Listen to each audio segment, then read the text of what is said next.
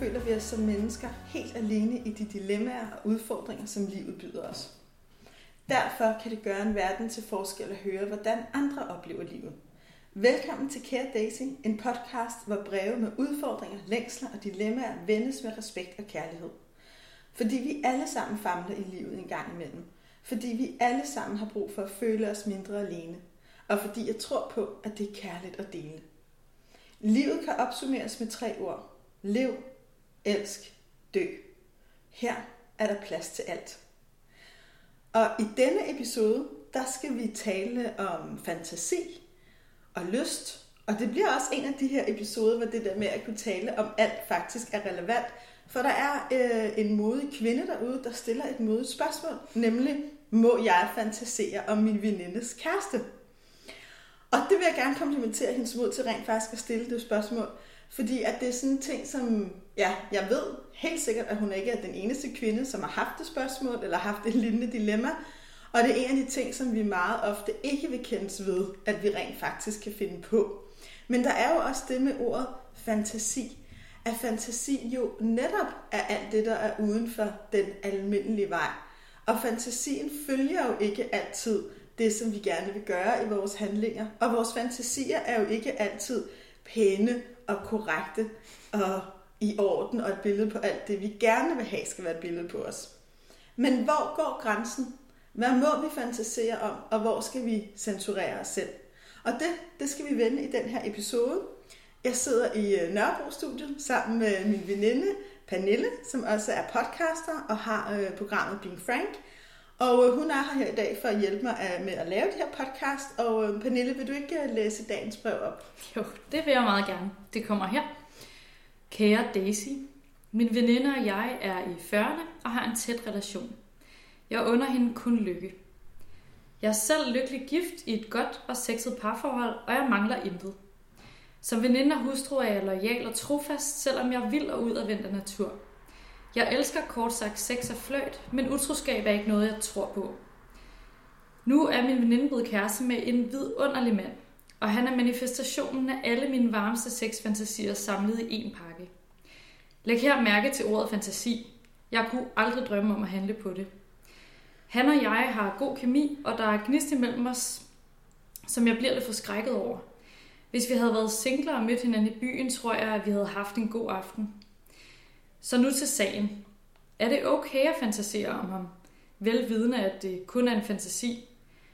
Det skal siges, at mine veninders mænd aldrig har vagt nogen form for interesse. Ham her er simpelthen bare så... Mm.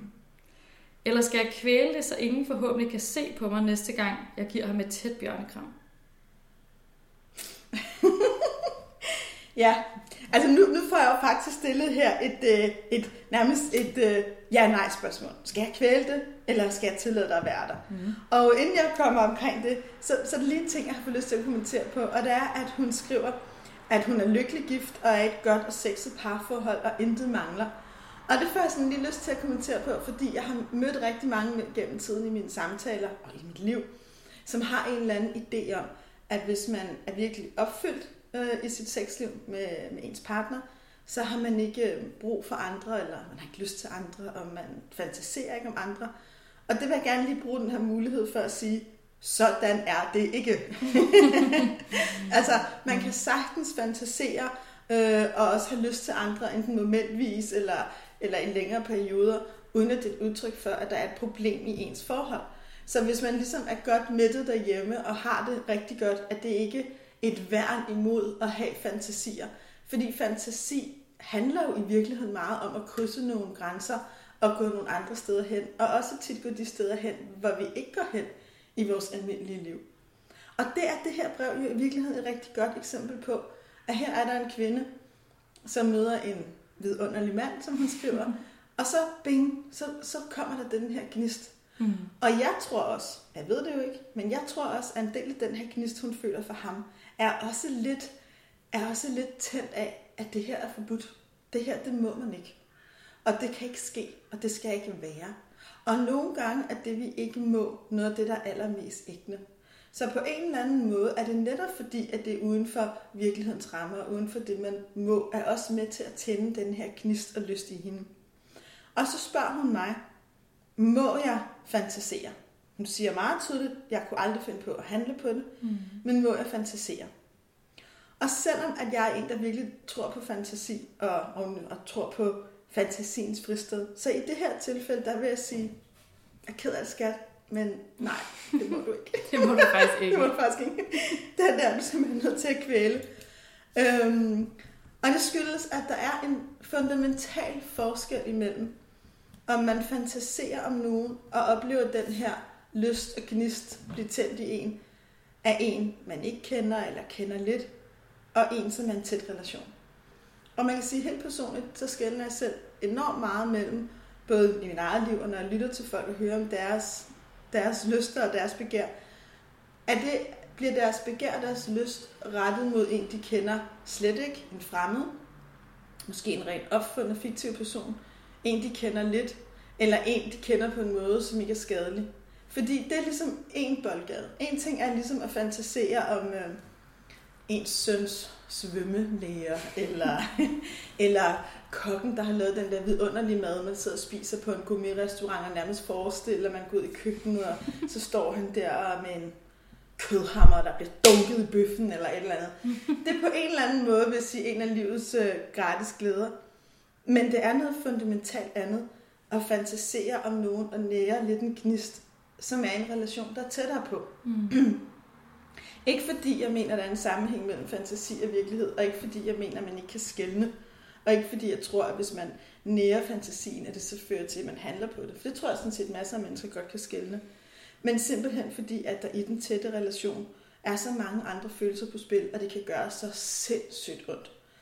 Altså følelsen, hvordan ville det være, hvis man som veninde fandt ud af, at ens meget tætte veninde nærede fantasier over for ens kæreste. Altså sådan nogle ting gør jo, gør jo helt vildt ondt, fordi det gør jo altid ondt, når vi finder ud af, at en vi elsker fantaserer om en anden. Og man vil jo tit tænke, at det er gensidigt. Men en ting er, at man måske ved, ja, ens partner har måske nogle gange nogle fantasier om en eller anden anden, og det er tjenerinden, eller kokken, eller kaffemanden, eller marketingchefen, eller whomever det er. Og noget andet er at vide, jamen det er min gode veninde, et eller andet. Mm. Og, og der synes jeg, der er et eller andet imellem os, hvor vi skal passe på hinanden. Og i virkeligheden sætte kærligheden til veninden og respekten for det forhold mm. over den her fantasi af lyst og gnist. Ja, fordi jeg først lige lyst til at skyde ind, at jeg synes også, jeg synes, at jeg kan læse lidt ud af det, øh, det her med, skal jeg kvæle, skal jeg kvæle det, så der ikke er nogen, der kan se det på mig. Mm. Altså, at hun også, øh, hun må være lidt bange for, at man faktisk kan se det på hende. Ikke? Det og, det, og det betyder jo også, at den der, øh, hvad jeg tænker er en uskyldig fantasi, øh, måske ikke er så uskyldig, eller den kunne i hvert fald godt krydse til noget, der ikke var uskyldigt. Giver det mening? Ja, det gør det, og man kan sige, den far er der jo altid i livet, at, at, at en fantasi kan føre til, til virkelighed. Ja. Sådan er det jo altid. Ja. Men jeg tror, det, jeg er egentlig ikke så bekymret i sådan en som det her brev for, for hun virker meget afklaret, den her, mm. der skriver, at hun ved, det vil hun aldrig gøre. Det er mere, det jeg mere tænker netop, for jeg lagde mærke til noget af det samme, det der med, at hun har skrevet, jeg er helt forskrækket over den her gnist, der er imellem os. Ikke? Mm.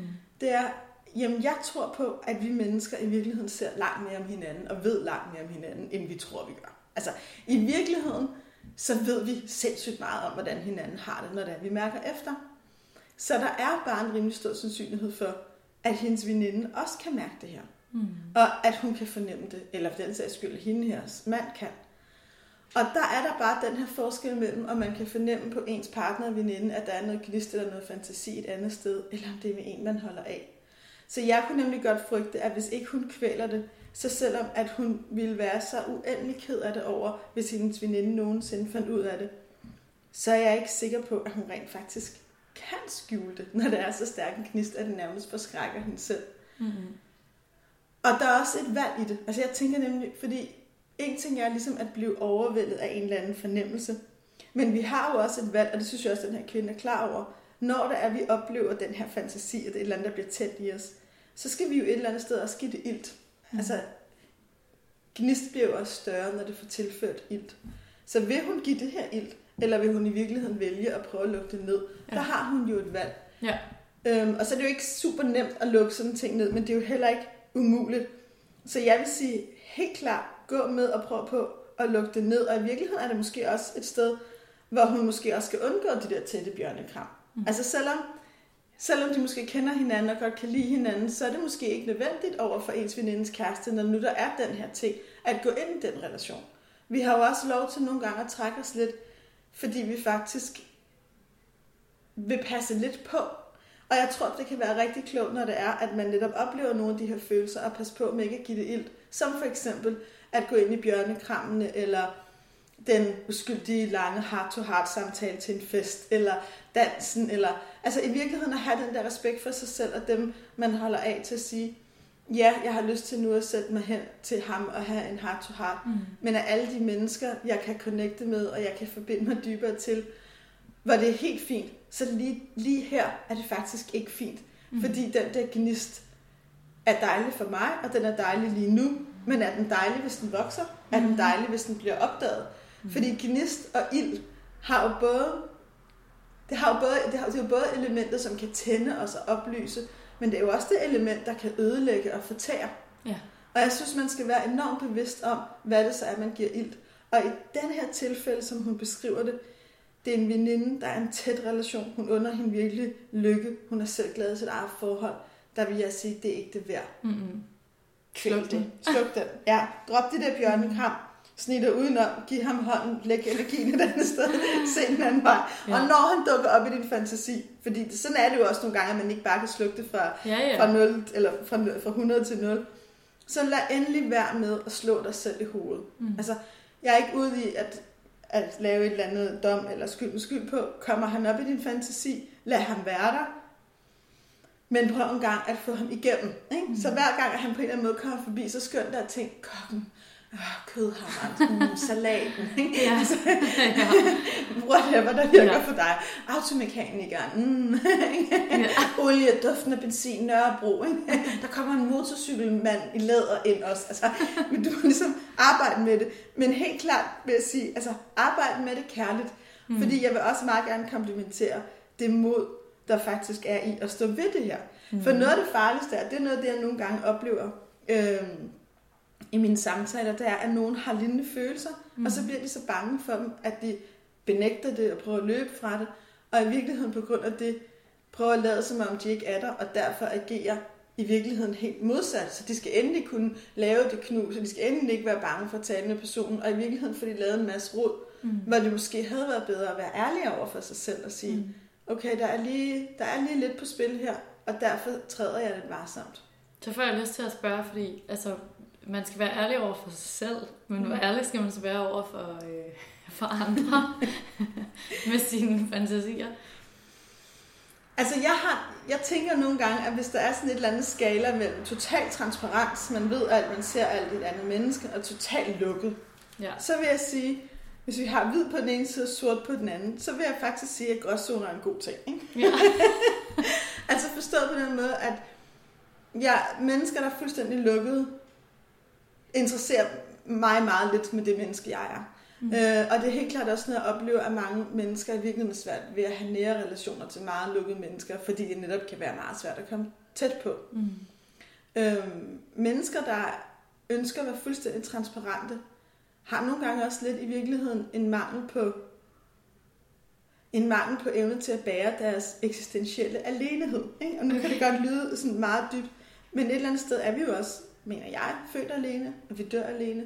Og i det vilkår er der også nogle ting, vi skal bære alene. Mm. Og jeg tror faktisk, at det er vigtigt, at man kan bære sin egen alenehed. Vi skal ikke bruge andre mennesker som en skriftestol, hvor vi skal skynde os og få sagt alt, før at de så i virkeligheden kan bære det. Eller vi kan være fri for vores ansvar ved, jamen nu har jeg jo sagt til min veninde, at jeg fantaserer om hendes mand, så er det ligesom ude af mig. Mm. Øh, nej.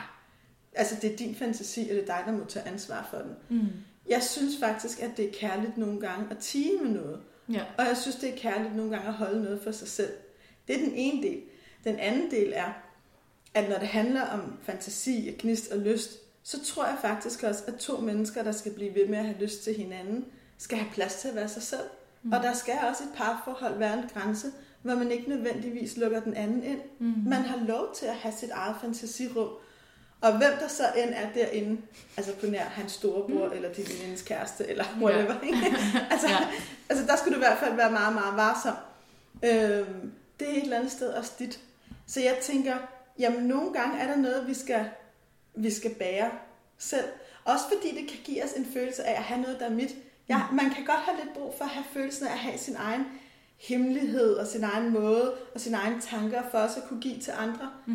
Og jeg tænker også lige nu rigtig meget på, på mange af, af de mennesker, jeg arbejder med, som jo er travle mennesker, og mange af os forældre, og mange har mange relationer, at når vi hele tiden er med andre og giver til andre, kan vi også blive udmattet. Mm. Men det med i virkeligheden at have nogle fantasier og have vores eget rum, vi ikke deler, kan faktisk give os en følelse af, at vi har noget at give til andre og der stadigvæk er noget, der nærer os. Mm.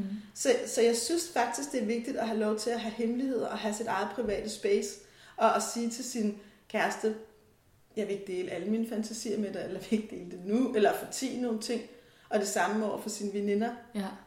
Og når det så er sagt, så samtidig også have en høj etik, og en kærlighed og en værsomhed med, hvad er det så for nogle fantasier, med nære, velvidende, at nogen af dem ikke er, ikke er gode. Mm. Netop fordi, at selvom du ikke siger det til nogen, så er det stadigvæk, hvis jeg fantaserer helt vildt om en eller anden person, så selvom at jeg ikke gør noget, eller jeg ikke øh, siger noget, så vil mange mennesker stadigvæk kunne mærke det, fordi der er så mange sanser, vi bruger, når vi er sammen. Mm-hmm.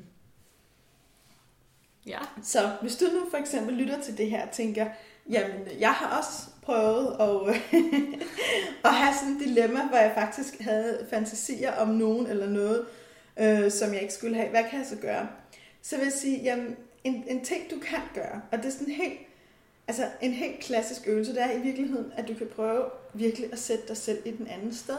Mm. Prøv virkelig at, at forestille dig, okay, hvis det var min veninde, der havde fantasier om min elskede, hvordan ville jeg så have det med det?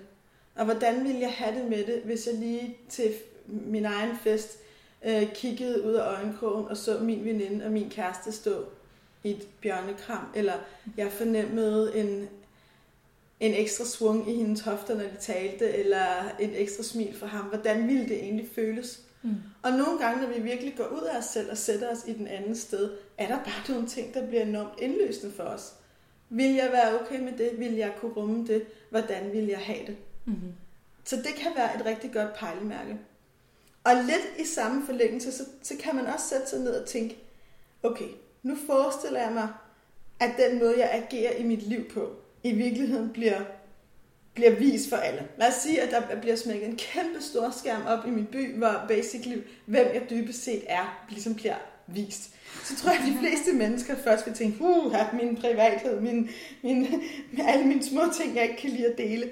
Jeg har selv rigtig meget, jeg ikke har lyst til at dele, og er egentlig meget privat, øh, og til tider også lidt tilbageholdende menneske.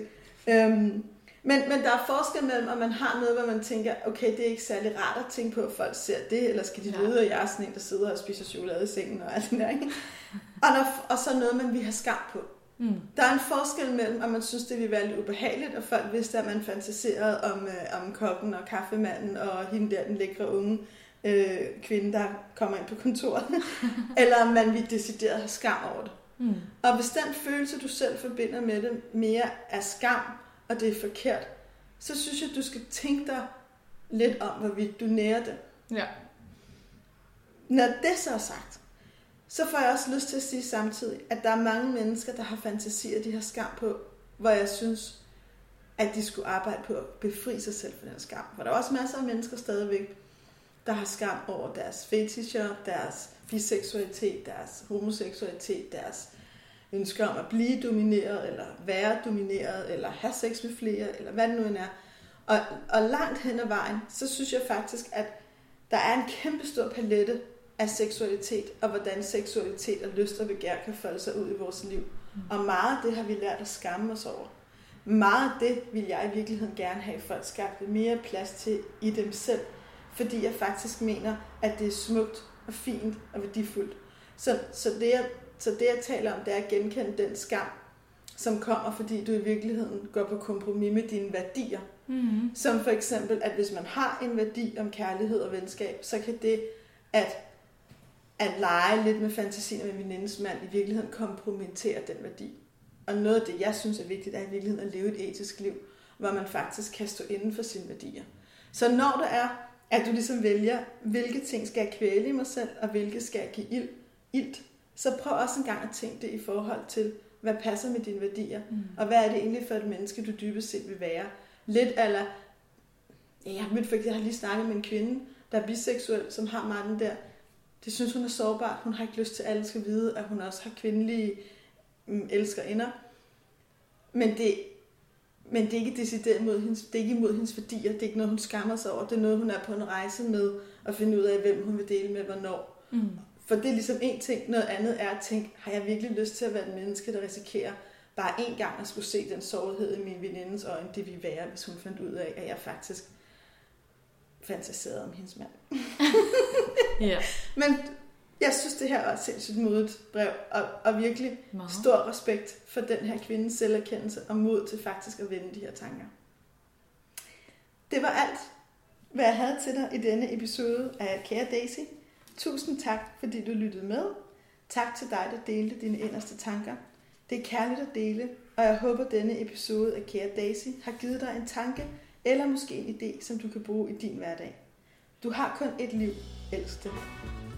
Du lyttede til Kære Daisy, en podcast med et formål om at vende nogle af livets dilemmaer og få dig til at føle dig mindre alene.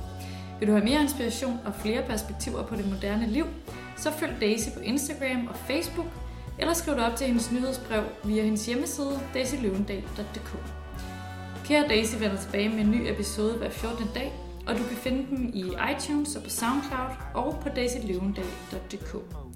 Og husk, hvis du kunne lide, hvad du hørte, så send det endelig videre.